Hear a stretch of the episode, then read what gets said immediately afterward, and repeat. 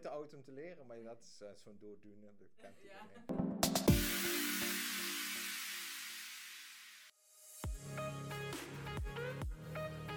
Welkom bij de podcast van Kop tot Staart. Wij zijn Puk en Sabrina.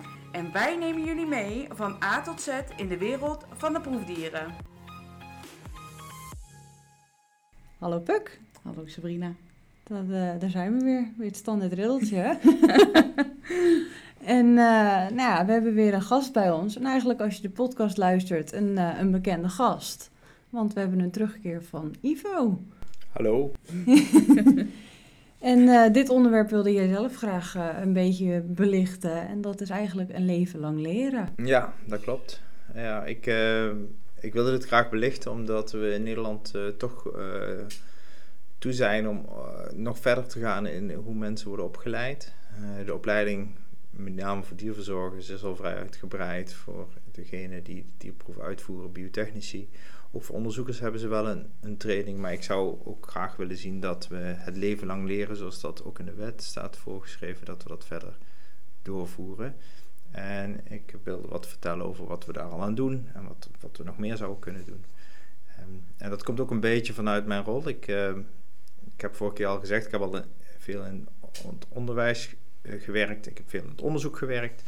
Eh, maar momenteel eh, ben ik dus bij een instantie voor dierenwelzijn, de functionaris competenties. Dat betekent dus dat ik ook voor verantwoordelijk ben dat de mensen die in ons instituut werken met eh, proefdieren, dat die voldoende geschoold en bekwaam zijn. Maar ook dat ze voortdurend worden opgeleid. Dus het is ook mijn verantwoordelijkheid daar. En ehm, om mensen die mijn rol hebben eh, te ondersteunen, zit ik ook in het bestuur van de vereniging van mensen die met proefdieren werken. Eh, als bestuurslid met een focus op educatie en training. En ook ben ik dus de voorzitter van een commissie die zorgt dat, eh, dat mensen met mijn functie als functionaris competenties ondersteund worden in het zo goed mogelijk uitrollen van eh, het leven lang leren en voortdurend opleiden. Oké, en als je nu zou moeten kijken van, ik, dat is mijn ultieme leerprogramma. Wat zou je dan nu willen introduceren? Ik wil niet per se een leerprogramma introduceren, ik wil vooral bewustzijn introduceren dat proefdierkunde niet alleen iets is wat heel moeilijk is om uit te voeren. Hè. Proeven doen met dieren die heel variabel zijn, die een karakter hebben, die, ehm, die op zich, ja, die, ja dat is gewoon, het is gewoon lastig om daar onderzoek mee te doen. Je mag maar heel weinig van gebruiken. Hè. We willen zo min mogelijk vermindering, hebben jullie al gehoord natuurlijk aan verteld. Ehm, eh, nou ja, dan, dan, dan wordt variatie een grote vijand, want dieren zijn gewoon variabel van zichzelf. Door, ook al heb je eh, een een-eigen tweeling, dan nog zitten er heel veel verschillen. Dus eh, ja, ook al zijn die dieren, zeg maar, via inteelt zo gestandardiseerd mogelijk gemaakt. Dus het is heel moeilijk onderzoek. En daar, daar, daar, worden, daar zijn ontwikkelingen in en die moeten we volgen om zo goed mogelijk met die dieren om te blijven gaan. Ehm, dus ik denk dat dat hoort bij deze beroepssector. Het is, het is ook onze plicht, alleen het is niet helemaal duidelijk hoe die plicht is ingericht. Dus idealiter zou ik iedereen ervan willen doordringen. Bedenk dat als je dierproeven doet, dat dat een professie is. Als je daarmee bezig bent, dan moet je bijblijven. En moet je kijken wat er zich in ontwikkelt. En dat is mijn ultieme doel, dat mensen zich daarvan bewust zijn. En ik denk, ik denk dat zit in principe al in de opleiding. Dat zou een opleiding moeten doorschemeren. Uh, maar dat moet in ons DNA gaan zitten. Dat is mijn ultieme doel eigenlijk. En mijn, mijn droom misschien wel. Ja. En denk je dan ook dat we echt moeten blijven leren van hoe we eigenlijk het beste uh, het dierwelzijn kunnen ondersteunen? Dus voor het dierperspectief. Want Ja. in de jaren heen is er natuurlijk al best wel veel veranderd om het dierwelzijn zo hoog mogelijk te houden. Maar zou je dat nog steeds zien als een leerproces van we kunnen iedere keer toch weer een stapje beter? Zeker, zeker. Wat, wat je ziet, als- met name in de dierverzorging, is natuurlijk niet staart hanteren. Ik weet niet of jullie daar iets van weten. eh, of jullie dat al doen of niet doen. Bij muizen is het vrij lastig. Ja, bij ratten is sowieso inderdaad niet uh, aan de staart pakken. Ja, en bij muizen is het nog wel vrij lastig. Ja. En dat is bij ons bedrijf nog, nog niet doorgevoerd. Nou, dat is dus een voordeel, voorbeeld van toch wel een revo- revolutionaire ommezwaai. Eh, er was een, een, een, een onderzoekster in Engeland die werkte met dieren, met dieren die we, jullie gewend zijn mee gewerkt. Dus eigenlijk inteelt proefdiermuizen die uh, al generaties in proefdiercentra zijn. En zij werkte met wilde dieren. En wat zij merkte is dat de, de wilde dieren eigenlijk tammer werden omdat ze die niet bij de staart pakten. En eh, ik weet niet of jullie plaatjes van dierverzorgers, maar bij de basis van de staart een muis oppakken is, is vrij gangbaar geweest in de proefdierkunde. Uh, en is een, vrij gangbare hanteermethode. Maar dat vinden die dieren dus niet fijn. Um, en het feit dat we daar alternatieven voor zijn, dus niet staart hanteren, dat kun je door ze te kuppen of in een buisje, dat is toch best wel een revolutionaire omslag. Want je merkt dat het toch heel lastig is, omdat mensen dagelijks, zoals jullie dat werk doen, om dat te doen. En zo zijn er ook in het onderzoek, ook in allerlei takken van de proefdierkunde, toch wel kleine en grote omzwaaien die toch, steeds naar boven komen. En... Um, en daar, daar moeten we in, in, in blijven leren. En ik denk dat ook uh, voor de onderzoekers het doen van goed dierexperimenteel onderzoek, dat kun je in de loop van je opleiding niet helemaal geleerd krijgen. Daar is het gewoon ook op statistiek niveau en op wat je van die dieren moet weten te complex voor. Het kan zijn dat je van diersoort moet switchen. Dan moet je eigenlijk van die diersoorten leren. En ik ben wel iemand die het van belang vindt dat je dingen leert op het moment dat je het nodig hebt. Maar dat betekent dus dat je ook niet alles meer moet aanbieden op het moment dat je leert. Uh, en dan, maar dan moet je dus eigenlijk wel de belofte doen van als ik het dan nodig heb, dan ga ik het me bijstuderen. En, en dat zit nog niet helemaal uh, genoeg in ons DNA. Tenminste, ja, dat, dat, zou ik, dat zou ik graag nog beter zien. Ja.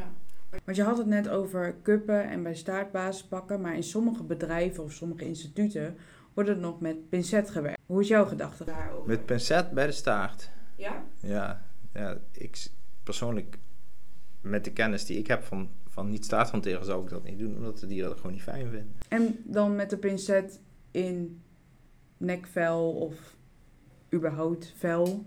Ja, daar weet ik niet. Kijk, um, zo'n, je moet bedenken dat een dier zit in een kooi en you're the hand of God. Hè? Je, je, moet, je moet voorstellen, we zitten hier aan de tafel, de dak gaat eraf en er komt een hand en die pakt een van ons drieën hier van de tafel af. Dat zou ik verontrustend vinden. Voor die eerste is het al vervelend, maar die, heeft, die is al op zijn nieuwe plek. Maar wij zitten er nog. Dus hoe, hoe, hoe liever die hand of God met jou omgaat, hoe minder bang je ervan wordt. Uh, tenminste, dat denk ik dat de reden is. Kijk, het bewijs zegt dat die dieren gewoon daarna minder gestrest zijn. En wat we vaak zien is dat stress vinden we, dat is natuurlijk ook een vraag op zich. Maar uh, hoge stresswaarden in een dier zijn ook niet goed voor het onderzoek. En daarnaast, als het niet hoeft, hoeft het niet. Het is alleen wel, je moet het leren, je moet het oefenen. En het duurt heel lang voordat het net zoveel tijd kost als wat je al deed.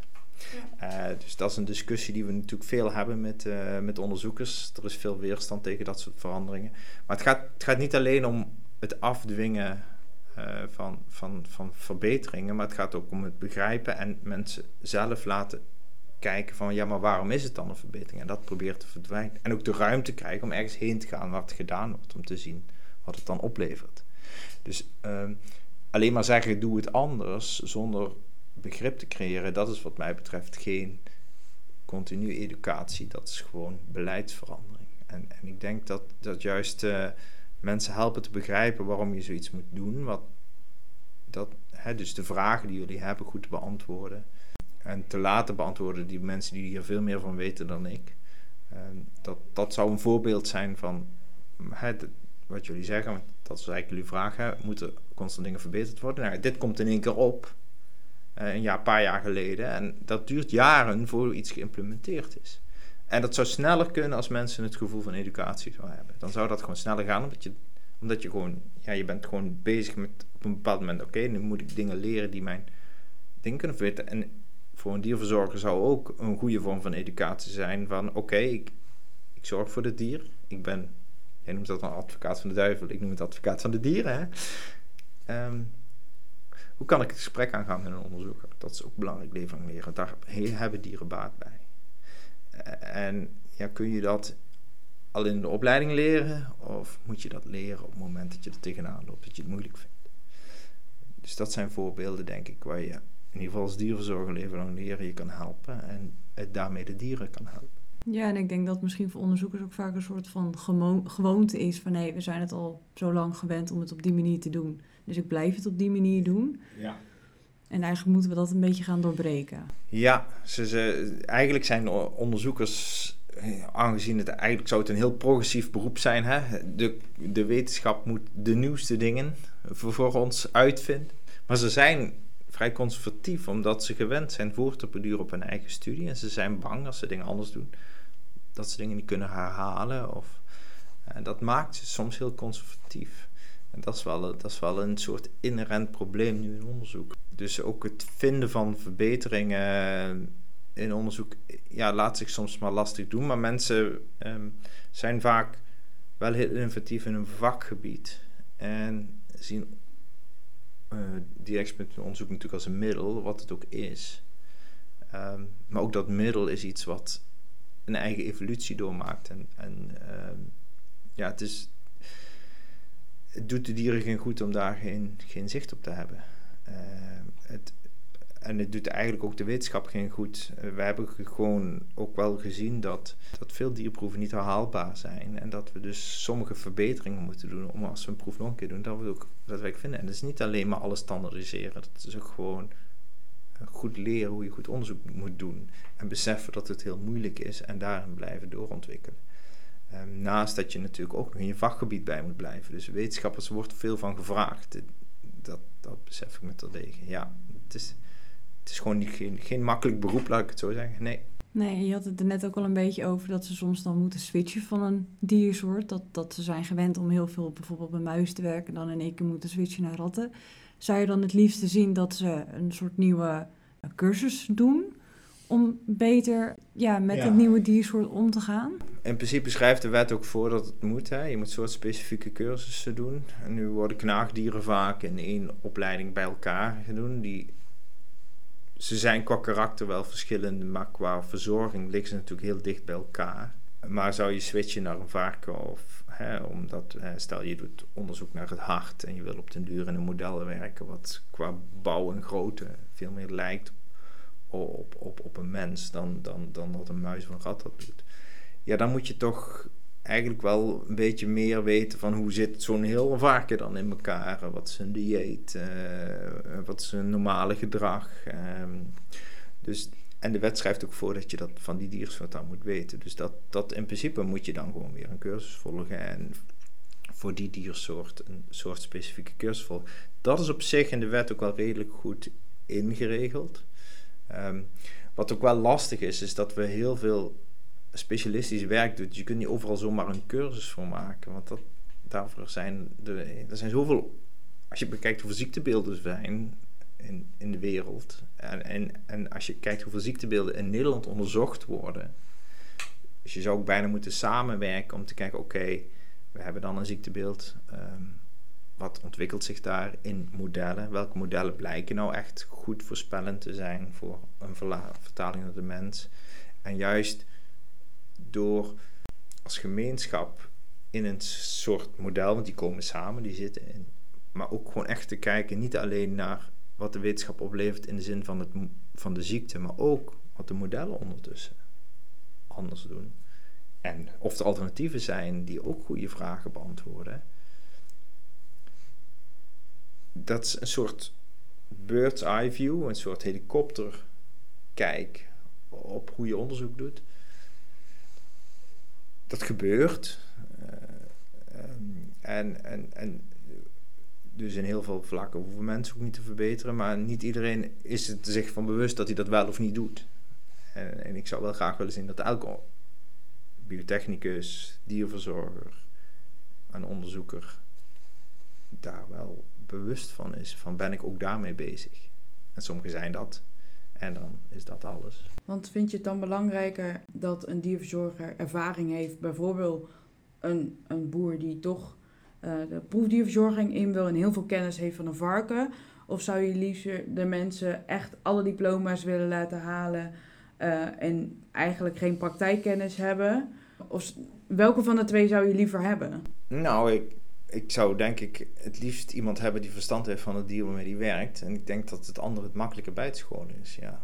Dus je zou liever met de boer beginnen die wel bereid is om te leren? Ja, ja. maar dan, ik bedoel, we hebben een, en ik merk dat, dat onderwijs in Nederland daar nog niet goed in is gericht, met name voor dierverzorgers juist. De dierverzorgers worden vaak hè, algemeen bevoegd en die hebben een opleiding als dierverzorger. Ehm, en daarin mogen ze bevoegd hebben, maar dat is gekoppeld aan een curriculum. Uh, ik, ik, ik, dat, uh, dat, dat is op zich, hè, zijn, is, er is niks mis met die opleidingen, maar het, het geeft niet meer de ruimte inderdaad voor mensen die al heel goed met een dier om kunnen gaan, om dan te zeggen, oké, ik laat jou een paar modules doen en ik maak voor jou een opleidingsprogramma buiten een curriculum om, buiten een diploma om. En dan heb je het hele pakket. En Europa heeft in de wetgeving van Europa dat eigenlijk wel voor ogen gehad. In heel veel landen gebeurt dat ook. Um, en dat, dat is in Nederland, uh, in mijn ogen, zouden we daar nog in kunnen verbeteren. Kijk, de opleiding die jullie hebben gehad, als het goed is, hè, vooral de BBL-opleiding, je al met muizen bezig. En dan krijg je dus de theorie erbij, is eigenlijk al wel zo ingericht. Dus via de BBL-opleiding kun je het al wel doen. En in principe zou ik dus liefst een goede boerenzoon hebben die de BBL-opleiding doet. Ik denk dat dat wel een heel goed systeem is, omdat je dan zeg maar vanuit de ervaring die je hebt met de dieren, al werken met de dieren, zorgt dat je voor de bagage hebt als het gaat om welzijnsmonitoring, wetgeving, wat mag ik wel, wat mag ik niet. Ehm, wat mag een onderzoeker wel, mag een onderzoeker niet. Dat zou wel heel goed zijn. Maar dat, dat is weer het starttraject, ja. En, ehm, maar ja, die boerenzoon is bijvoorbeeld, die wil niet met muizen werken, maar wel met grote dieren. Neem daar een koe bij, een gans. Daar denk ik dat de BBL-opleiding, ik, nogmaals, ik heb hem niet gedaan, Sabrina wel. Ik denk dat hij daar niet echt op is ingericht. Uh, ja, veel stof, dat is toch wel richting muizen gericht. Ja, de meeste proefdiercentrums werken nou eenmaal met muizen. Uh, nou moet ik wel zeggen dat wij hadden iemand in de klas zitten en doordat je die dan in de klas hebt, wordt het wel breder getrokken. Maar ja, dat kwam puur omdat zij er dan bij zat. Maar is het dan niet handiger om een, toch wel een algemeen eh, BBL-opleiding te maken voor ieder diersoort en niet gespecificeerd op een muis? Tuurlijk wordt daar de meeste onderzoek op gedaan. Alleen, en landbouwhuisdieren zijn een stuk minder.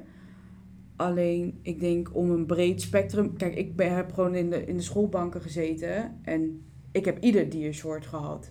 Van een muis tot aan een hert tot aan een, eh, nou, bijna een olifant. Heb ik wel geleerd. Omdat ik ook de dierentuin kant op kon gaan. Dus ik weet overal in een breed spectrum wel ergens iets van. En wat ik hoor, uh, ook bij de BBL's die hier komen, is dat het wel meer naar de, uh, muisdie, uh, de muizenkant gaat. Is dat dan niet jammer? Is die brug dan niet jammer dat ze zeggen van goh, ik probeer hem iets breder te trekken? Kijk, uh, wat er eigenlijk van belang is, is dat je dat leert wat voor de dieren het beste is. En uh, er is een pakket voor. Um, je weet ook niet genoeg van een olifant om in een dierproef met een olifant te werken. Nee, gelukkig niet. Dus dan nog zou je op het moment met een olifant en, en, dus er is ook een soort vaag. Nederland is een hele scherpe lijn. Oké, je hebt dit en dit afgerond, dan ben je bevoegd. Dat is, kun je wel of niet mee eens zijn. Waar het om gaat is dat als iemand met een olifant werkt, verstand moet hebben van de olifant en moet weten wat het betekent om dierproeven te doen en goed is in de handelingen die hij met die dier moet uitvoeren, die met een olifant weer heel specifiek zijn, want dan moet je zo'n olifant alles leren, want je kunt er niet bij, dat is hartstikke gevaarlijk. Dus die, die, die, daar is training natuurlijk ongelooflijk belangrijk. Het zou op zich met muizen en ratten wel kunnen. En daar zouden we ook naartoe moeten. Ook wel eens een punt van leren. Hè? Waar kun je ze in trainen? Wanneer is dat goed? Maar dit, dit gaat natuurlijk over de basisopleiding. Maar ik denk wel dat, dat, dat, dat, dat inderdaad dat op het moment dat je iets doet met proefdieren, dat het belangrijk is dat, dat, dat of dat nou in een leven lang leren traject of in het bevoegdheidstraject, dat op dat moment mensen blijven, kritisch blijven kijken samen met een functionarischcompetentie. Is het pakket wat ik heb aan wat ik geleerd heb, zowel te doen en, en in kennis, past dat bij wat ik doe en ben ik compleet? Um, en ik vind het nou eenmaal zonde om die boerenzoon dan van te leren hoe je een muis doodmaakt. Dan moet je al een muis doodmaken. Vind ik niet nodig. En hem te leren hoe je een muis doodmaakt.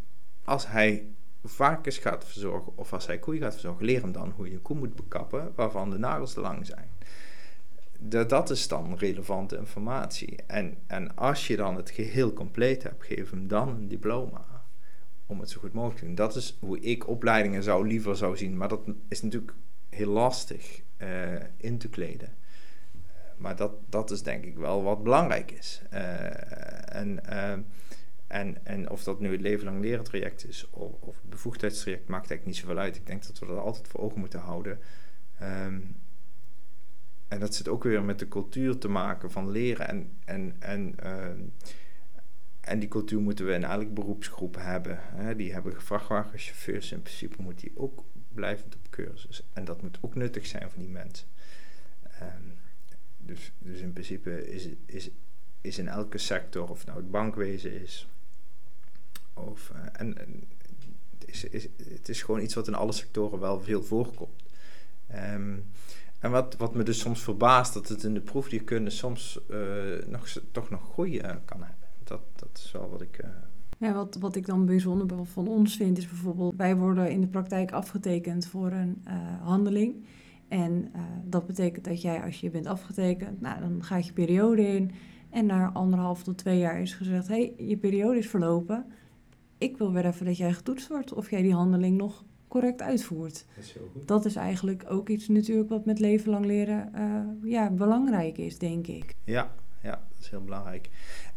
En dan is de vraag, degene die jou aftekent, weet hij hoe hij dat moet doen en waar die op moet letten. Dat is, weer, eh, dat is ook weer een kunstje. Dat kun je ook weer iemand leren. Ja, want ik zat toevallig vandaag een filmpje te bekijken over iemand die zei van een goede manager hoeft niet alles te kunnen wat een, medewerker kan. Ben ik het deels mee eens, maar meestal onze teamleiders of managers die tekenen ons af die moeten wel de handelingen kunnen, vind ik, die, uh, die mij aftekent.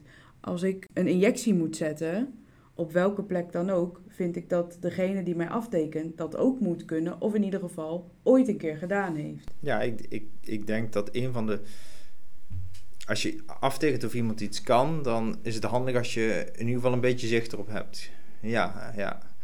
Dus uh, ik kan niet beoordelen. Ik, ik bedoel, kan wel een beetje beoordelen of iemand heel goed van een duikplank afduikt. Ik weet niet of jullie wel eens schoon duiken eh, hebben gekeken. Je weet allemaal, als er een enorme spetter is, niet goed.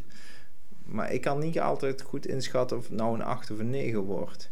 Dan moet je toch een beetje erin zitten. De vraag is of je zelf per se er goed in moet kunnen duiken. Dat, dat is de vraag. Hè? Dus ik denk ook wel dat je niet elke techniek hoeft te beheersen die je beoordeelt, maar je moet er wel goed zicht op hebben en enige ervaring in vergelijkbaar werk zou ik persoonlijk wel een pre vinden. Maar daarnaast is het ook goed om te weten waar kan ik allemaal op letten op het moment dat ik kan beoordelen wat is er allemaal belangrijk.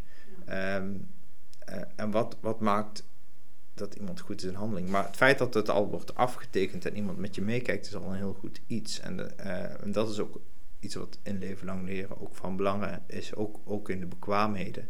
Dat je niet zomaar iets leert. Ik heb een, in mijn onderzoek uh, deed ik een, hele belangrijke ingreep. Hè. Ik, ik, ik deed een, een, ingreep waarin ik dieren een beroerte gaf. Dat is een hele complexe ingreep. Ik heb er een jaar over gedaan dat te leren. Als iemand mij begeleid had in dat leerproces en mij beoordeeld had voordat ik het in het onderzoek had gedaan, had ik denk ik mijn onderzoek met anderhalf jaar kunnen verkorten. Dus ehm, hoe ik destijds zelf mezelf een techniek heb aangeleerd die toch wel zo complex was dat het helemaal in het begin gekscherend werd gezegd dat is alleen maar voor Japanse neurochirurgen. Uh, ja, dat, daar, daar zou enige begeleiding heb ik daarin wel niet gehad. Um, en ik denk dat het ook goed is dat hele complexe operaties. Eh, daarna ben ik ook uh, biotechnici gaan opleiden, die complexe operaties kunnen uitvoeren in het kader van onderzoek en dat hun specialisme maken. Um, dus ook om her meer in een team onderzoek te doen. Uh, da daarom de interventie-unit hebben jullie eerder in een podcast uh, gehoord. Dat is ook zo'n team van experts, van iedereen kan zijn ding. het, is ook wel efficiënt. Het is ook misschien ook eh, niet goed om alles maar te leren. Maar dat bepaalde mensen, dat we toch een beetje verdelen. Het is ook niet handig als alles bij één persoon komt te liggen. Maar gewoon, sommige mensen zijn gewoon handig. Die hebben gouden vingers, zeggen we dan. Laat die dan een operatie uitvoeren. Uh, ik ben uiteindelijk, ik vond die operatie natuurlijk fantastisch om te kunnen en om te doen. Net zoals jullie uh, het als dierverzorgers leuk vinden dat je injectiedingen mag doen. En hè, iets wat je als dierverzorgers misschien niet hè, meer aan kan komen. Maar ook daarin is het goed te kijken, wie kan al wat goed? En laat, laat dat die mensen doen. In plaats van iedereen alles maar aan te leren. En zeker mensen zichzelf aan te laten leren. Dat is, dat, dat, dat, uh, dus daar meer systemen te krijgen is ook wel iets waar we nu ook mee bezig zijn. Ook met, bij, bij het instituut waar ik werk. Dat we zeggen, oké, we gaan mensen opleiden om op te leiden. We gaan ook opleiders aanwijzen en aftekenen. En die kijken mee. Want de wet zegt um, dat je iets zelfstandig maar mag uit, uitvoeren op het moment dat iemand heeft gekeken dat je, uh, dat je het kunt. En tot dan sta je onder toezicht. Um, en ik zie dat als een opbouw in vertrouwen. Eigenlijk, eigenlijk moet je gewoon iemand weg kunnen sturen en zeggen: Oké, jij gaat deze handeling doen. En ik vertrouw 100% dat als jij dit doet, dat je het optimaal doet. Maar vertrouwen is ook van als het misgaat, dan kom je weer bij mij en dan ben je er eerlijk over. Dat is ook vertrouwen. Want ja, het kan altijd misgaan. Uh, dus ja, dat is iets wat je in de proefdierkunde nu wel ziet. Dat we ook, wat nu in de, wat in de verpleging ook uh, uh, is gekomen, hè, dat noemen we trustable professional activities. Dus dat zijn, dat zijn activiteiten die je doet, dagelijkse praktijkdingen. Bijvoorbeeld een muis oppakken en een injectie zetten, waarin je zegt: Oké, okay, dat is iets, daar moet je vertrouwen in binnen. En dan kun je het zonder dat iemand maar is het dan ook omdat je zelf natuurlijk je, uh, een handeling hebt aangeleerd, dat je denkt, dit heb ik zo zwaar gemist, dan probeer ik mijn studenten juist extra te geven? Nou, het is niet per se omdat het gemist heeft, maar het, het is gewoon ook niet efficiënt dierexperimenteel gezien. Het, het kost gewoon meer dieren als je jezelf iets aanleert dan dat iemand dat uh, systematischer doet. Veel, veel stappen in het aanleren van dier-experimenteel werk kun je op alternatieven doen. En in Nederland mag je iets niet doen als er een alternatief voor is. Je kunt leren hechten op ander materiaal dan een dier. En als je dan eenmaal goed kan hechten, dan moet je het op een dier natuurlijk wel een keer laten zien. Uh, en ik vind dat we in die zin uh, ons gewoon aan de regels moeten houden. En uh, dat we daarin toch wel iets systematischer moeten werken. Dus het is niet per se dat ik het gemist heb. Alleen als ik terugkijk, denk ik, het is wel zonde dat het toen niet al efficiënter was ingericht. Zonde voor de dieren, zonde voor mijn tijd. Toen miste ik het niet, toen was, want eh, toen waren andere tijden. Maar andere tijden zijn er eenmaal zoals ze waren. En nu, nu zijn er leerscholen ook voor. nu zijn er instituten voor microchirurgie. Die waren er toen nog niet. Waar je gewoon heen kunt gaan. En daar kun je gewoon geld aan betalen. En dan leren ze het je. En dan ben je zes dagen klaar. Nou ja, dat is een behoorlijke besparing qua tijd. Ja, ja, dat zeker. Want zie jij nog verbeterpunten of uh, juist hele goede punten van de opleiding, maar dan over het hele brede spectrum getrokken? Dus zowel de proefdierverzorger als de biotechnicus? Ja, ik, de proefdierverzorger ken ik niet zo goed de opleiding, hè? een beetje van een afstand natuurlijk. Ik heb wel contact met de opleidingen vanuit mijn bestuursrol wat ik weet is dat ze wel al heel bewust zijn, eh, bezig zijn met die leeruitkomsten uh, die, uh, waar ik het had, die Europa heeft opgesteld. Alleen dat ze ook nog moeite hebben om dat voor alle diersoorten te doen, terwijl ze wel daar de bevoegdheid voor afgeven. Dat ligt niet zozeer aan hun inzet, maar dat ligt meer aan hoe het, de wet nu in Nederland vertaald is. Dus de, wat verbeterd kunt worden, is daar gewoon helder in zijn. Oké, deze dieren hebben we gehad, andere dieren moeten nog, mochten ze daar doen. En, en, en daarin ook proberen toch ook te kijken wat is daar de vraag in en kunnen we daar in het kader van leven lang leren op inspelen. Uh, en de, daar zijn die opleidingen ook mee bezig, want elke, zowel uh, de vereniging van middelbare of, van VMBO-opleidingen, als de vereniging van HBO-opleidingen, als de vereniging van universiteit hebben een leven lang leren plan en een leven lang leren kader en een leven lang leren ambitie. Dus in principe, als heel instituut, als hele groep willen ze dat al.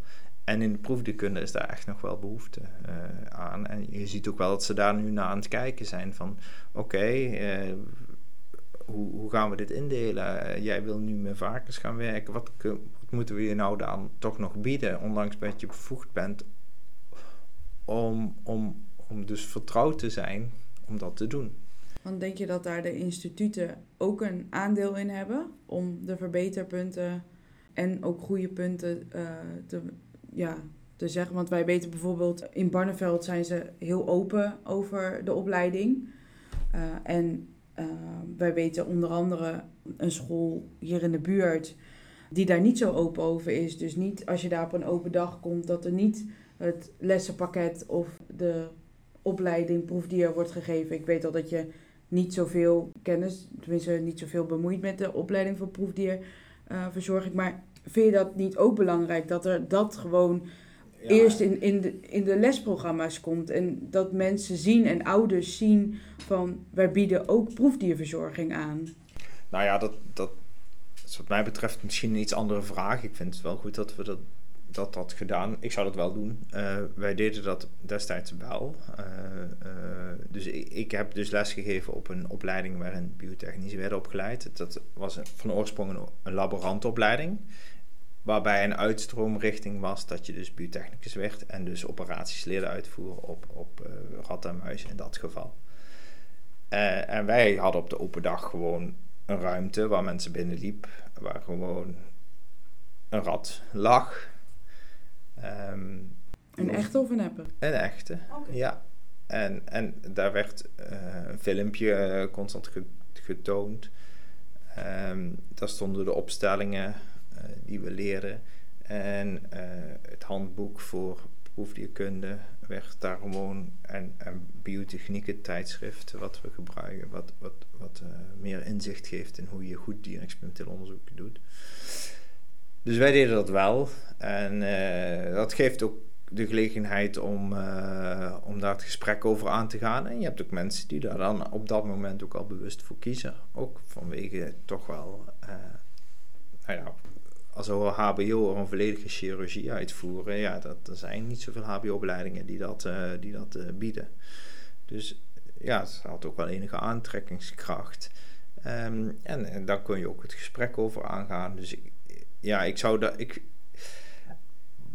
ja, zoals ik al zei, het is goed dat jullie deze podcast hebben. Uh, want dierexperimenteel onderzoek is iets wat we toch wel met hart en ziel doen. En, en uh, wat we goed willen doen. En ik vind het zonde als mensen het idee hebben dat ze iets doen, aan het doen zijn wat verstopt zou moeten worden. Omdat gelukkig mag je ook nog vertellen dat je slager bent. En, en dan kun je, die maken ook mensen door dieren dood. Ja, ja. Nou ja, goed, dat is zo. Uh, je kunt altijd besluiten om geen vlees te eten. Het is op zich uh, milieutechnisch helemaal niet onhandig. Maar als je er wel voor kiest, dan moet je beseffen dat iemand een dier voor je doodmaakt. En dat doet hij gewoon zo goed mogelijk. Daar ga je vanuit. En als hij dat niet doet, dan, ja, dan zijn daar gevolgen voor, maar dat is bij elk beroep als je het niet goed doet. Ja, als je als timmerman een plafond niet goed maakt en iemand zakt er doorheen, dat is ook niet goed. Nee, dus uh, we moeten het allemaal goed doen. Ik zat net te denken, eigenlijk werken wij voor het leven lang leren. Want in principe doen wij experimenten of we doen onderzoek om te leren. Om te kijken of het werkt of het niet werkt. Of we mensen kunnen helpen of we ze niet kunnen helpen. Nou ja, in principe eh, wat jullie uitvinden is een leven lang meer voor een arts natuurlijk uiteindelijk. Die moet kijken, zijn hier nieuwe strategieën uit te halen. Maar ja, daar zitten natuurlijk nog een paar stappen tussen. Uh, ja, voordat, uh, voordat, voordat een arts daar van kan leren. En de informatie die hier wordt verzameld is natuurlijk weer nodig voor de mensen die klinische studies opzetten. Ja, in principe is onderzoek, is onderzoek levert kennis op en die kennis moet constant gedeeld worden en dat is dus het punt. Er wordt ook onderzoek gedaan naar hoe je kwalitatief goed dier experimenteel onderzoek doet. En dat is leven lang leren voor ons. En, en daar komen we weer bij het, wat ik vertelde over dat staarthanteren. Dat is iemands onderzoek geworden toen ze een bevinding hadden, toen iets opviel. En ze dat systematischer, zoals onderzoek is, gingen uitsluiten van is het door het hanteren of is het door iets anders dat is wat onderzoek moet doen. Hè. Onderzoek moet iets systematisch maken. Die moet dan zeggen, oké, maar dan pakken we eens niet twee verschillende muizen, maar dan pakken we allemaal dezelfde muizen. En het enige wat we verschillend doen, is de ene pakken we bij de staat en de andere doen we niet. En zo verbreed je kennis. Als die er kennis er dan is, dan moeten we daar iets mee. Ja. En dat, dat is leven lang leren, ja. Want hoe zie je de toekomst van de proefdiersector uh, in verband met de krimpende budgetten die uh, in de instituten zijn en de mensen die daarin willen doorleren? Nou, dat is wel een ding, ja. Um, wat je natuurlijk wel ziet is als je politiek bekijkt, dat de politiek in, in, in de wereld van de politiek zijn dierproeven al bijna afgeschaft. En heel veel politici willen dat dierproeven worden vervangen. Dat, klopt. Um, maar van de andere kant uh, worden er nog steeds vergunningen afgegeven, worden er nog steeds dierproeven gedaan en blijkt dat er heel veel onderzoek ook nog lastig met die alternatieven te doen is. En dan is het niet per se een goed idee om dat dan in het buitenland te laten doen, want de wetgeving is daarover hetzelfde of, of slechter. En, en wat je wel ziet is dat op die manier de politiek niet erg genegen is om te investeren in uitwisseling tussen mensen die proeven uitvoeren om de standaard te blijven verhogen van iets wat ze denken dat wordt afgeschaft. Maar daar hebben dieren nu wel baat bij. Dus dat is wel een lastig punt, ja. Het is lastig, je merkt dat, dat, dat politiek gezien, maar ook in instituten soms, hè, die denken, ja, die proeven doen we over twintig jaar niet meer. Dus uh, ja, ook, ook bepaalde instituten, uh, ook daarin is denk ik gewoon openheid en informatie belangrijk. Want dieren hebben er echt baat bij als mensen kunnen blijven doorleren. Denk je dat mensen uit de politiek uh, snappen wat uh, dierproeven zijn? Jawel, er zijn wel mensen die dierproeven in de portefeuille hebben die de moeite hebben genomen om, om naar faciliteiten te gaan. Uh, er zijn ook mensen die natuurlijk altijd maar schreeuwen. Er zijn ook mensen die de moeite hebben genomen om naar faciliteiten te gaan. Uh, het gewoon niet vinden dat dat moet en ervoor kiezen om echt te investeren in alternatieven. dat begrijp ik wel. Dat is op zich ook goed. En het is ook een lastige keuze natuurlijk. Je kunt geld maar één keer uitgeven. En elk geld wat je uitgeeft aan de verfijning van de dieren die er nu zijn, de studies die er nu zijn, ja, die geven we niet uit aan alternatieven. Uh, maar ja, dat, dat is een keuze die je moet maken van, ja, wat, ja uh, hoeveel waard vind je de dieren die er nu nog zijn waard? Ja, ja ik zou daar iets meer in... Ik zou, het hoeft, het hoeft geen gigantische ommezwaai te zijn, maar het is nu wel zo dat ze wel eh, vanuit politiek gezien in mijn ogen veel vergeten worden. Laat ik het zo zeggen. Ja. Uh, maar uh, sowieso merken we dat onderwijs is ook niet gratis. Mensen die onderwijs geven, die hebben ook gewoon een salaris. En dat salaris is gelijk aan de salarissen van mensen die onderzoek doen of wat dan ook. En um, mensen denken vaak dat onderwijs gratis is, omdat als je een curriculair onderwijs, als jij je opleiding doet, betaal je, ik weet niet wat je betaalt, maar tegenwoordig is het van 2400 euro per jaar of zo. Ik heb werkelijk geen idee meer. Maar het zijn geen astronomische bedragen, maar geloof maar dat, dat die bedragen in een tienvoud liggen van wat het daadwerkelijk kost. Dat betaalt de overheid. Een leven lang leren betaalt de overheid in principe niet. En instituten schrikken daarvan. Als ze dan iemand een week wegsturen en die krijgen een rekening van, uh, ja, weet ik veel, 1200 uh, eh, euro of nog meer dan denk je, nou, nou, nou, dat is wel heel veel geld. Dat besteed ik liever aan nieuwe kooien of uh, een mooie meubelstukken of weet ik veel wat. Dan, ja, het is als je kunt geld ook maar één keer uitgeven. Dus onderwijs is best wel prijzig, maar dat weten we niet in Nederland. In Nederland zijn we gewend, sommige sectoren zijn het wel gewend, die altijd al even lang leren hebben, hebben er altijd ook al voor moeten betalen. En er worden ook grif in andere sectoren behoorlijke bedragen neergeteld. Maar in de proefdierkunde is dat nog een lastig ding. Ook vanwege die gedachte meer van ja, maar straks wordt het angst, dan krijgen we zo'n hoge rekeningen. Dus, dat is een, gevoelig punt. Ja. En uh, ja, je kunt elkaar ook veel leren. Hè? Dus je kunt ook gewoon de ruimte geven voor jou om naar een instituut te gaan waar een andere manier van hanteren bijvoorbeeld gangbaar is. Dat is veel goedkoper, kan ook. Het hoeft ook niet allemaal geld te kosten. Maar ja, als je iemand wil overhalen, dan moet je hem gewoon betalen wat die per uur kost. Um, dus dat, dat is ook nog wel een, een issue, ja. ja. Want uh, hoe komt het eigenlijk, uh, hoe, ik moet het anders zeggen, hoe komt het dat je nu doet wat je doet, gezien jouw achtergrond? Ja, dat vind ik wel een grappige vraag. Um, ik, uh, ja, ik vind onderwijs gewoon iets heel leuks. Ik vind het mooi om te zien hoe kennis zich verspreidt, hoe je dat bij elkaar kan brengen. Ik vind het ook gewoon leuk om mensen iets te leren. Alleen, ja, op den duur kom je in een fase dat, dat jij niet meer kennis in huis hebt, dat je het moet organiseren in plaats van geven. Dat is, ja, dat is nou eenmaal zo. Ehm, maar ik vind kennisoverdracht iets moois. Ik vind, of, of, of even zozeer. Um, dus ik vind ook wel leuk om te zien. Ik vind het, ik vind het aan zich ook gewoon een, een onderwijskunde ook wel een mooie discipline. Juist uh, vanuit uh, de achtergrond. En ik vind het ook leuk om te kijken hoe je dat efficiënt kan doen. Juist omdat ik ook besef dat het geld kost. Moet je ook gewoon. Is het zoeken naar hoe kun je het nou inrichten dat iedereen die onderwijs krijgt, nou onderwijs krijgt waar hij ook echt iets aan heeft. Uh, en wat minder er tegenaan loopt, dat je later pas beseft dat je toen nodig, dat je toen iets kreeg en dat je denkt, oh ja, dat had ik toen eigenlijk, kijk wel, heb ik eigenlijk wel iets aan. Um, en hoe kun je alles weghalen wat, wat misschien een keer handig is.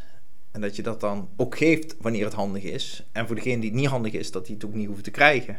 En dat je veel meer mensen leert zoeken naar de kennis die zij nodig hebt. Um, ik vind dat, ik vind dat gewoon, dat vind, vind ik gewoon integrerend en vind ik gewoon een mooie wereld om, uh, om naar te kijken, om daar de uitdagingen in te zoeken en de oplossingen in te vinden. Um, maar uh, ja, dus ik bedoel, onderwijs is ook gewoon een leuk vak. ik vind dieren heel interessant, ik vond proefdekkunde heel interessant, ik vind onderwijs een mooi vak en, en op deze manier combineer ik allebei. Ik ben altijd op en neer geshift en ik hoef het nooit een, je merkt dat, dat er altijd beroepen zijn waarin je ze allebei niet los hoeft te laten en waar allebei belangrijk is. De kennis van onderwijs en kennis van, van, van dierexperimenteel onderzoek. Dus daar, dat is ook misschien de reden waarom ze mij gevraagd hebben in deze functie, ja. En dan een beetje uh, onderwijsgericht, want we hebben verschil tussen theorielessen en praktijklessen. Welke lessen geven zou jij, vind jij het leukst? En wat denk je dat de mensen het meest van leren? Ik heb altijd zoiets van praktijk leer je daadwerkelijk wat je, wat je voor je ziet. Maar theorie is daarachter natuurlijk ook heel belangrijk. Mm, ik vind theorie wordt pas interessant als, je, als het verklaart wat je ziet.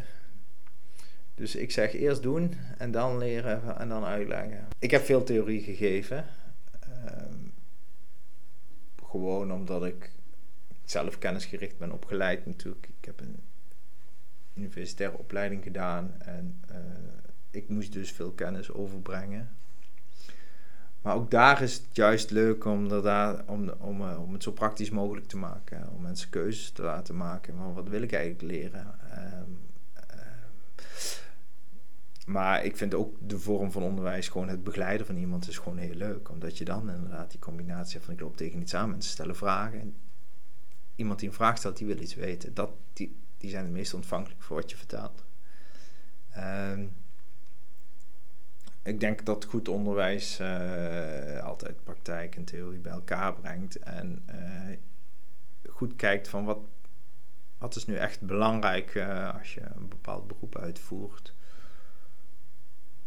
Om te weten, om te kunnen en om te doen. En wat ik ook nog wel weinig zie is dat, of, graag meer zou zien. het is niet dat ik het weinig zie, maar dat, dat, dat ook mensen heel goed kijken inderdaad van... Uh, als je dit beroep hebt, wat heb je nog meer nodig aan vaardigheden? Hè? Dus communicatie had ik het al eerder over. Hè? Dat tegenaan laten lopen en dan, en dan zeggen... Oké, je hebt nu deze situatie meegemaakt. Hoe, kunnen, hoe kun je mensen eigenlijk overtuigen van een bepaalde situatie? Want als ik je nou voor de keuze zou zetten... Uh, docent of bioloog... En je mag ze niet samenvoegen. Welke zou je dan kiezen? dat zit in mij zo verweven dat ik dan niet... Dat is onmogelijk, dus de keuze is onmogelijk. dat is uh, oranje. ja, nee, ja, ik, ik denk dat er heel veel vragen zijn beantwoord. Dat denk ik ook, ja. En natuurlijk mochten er nog meer vragen zijn, mag je ze altijd stellen. Dat is uh, denk ik geen probleem. Ik denk dat je ook open staat voor, voor vragen die eventueel via ons, dan spelen we ze wel uh, door. Dan komen ze of in onze Q&A-afleveringen of uh, je, stelt, ja, je beantwoordt ze persoonlijk. Dat is denk ik geen probleem. Net zoals de vorige, wil je de mensen nog iets meegeven als laatste noot voor de podcast? Nee, ja, ik blijf leren, hè, maar eh, dat was denk ik al duidelijk. Ja. Nou, ik ben nooit te oud om te leren, maar dat is eh, zo'n doordoener, dat kent Ja. iedereen. ja. nou, soms voel ik me wel te oud om te leren. nee, nou dan eh, sluiten we voor nu af en zijn we er over twee weken weer. En ik wil Ivo heel hartelijk bedanken dat hij eh, hier heeft gezeten voor de twee podcasten. Nou, graag gedaan. Ik vond het heel leuk om jullie te gast te zijn. Ik vond het leuk om dit een keer eh, mee te maken en te doen met jullie. eh, en nogmaals, eh, ook jullie dank dat jullie op deze manier eh, de mensen meer betrekken bij wat nou echt betekent om dierproeven te doen en hoe onze wereld in elkaar zit.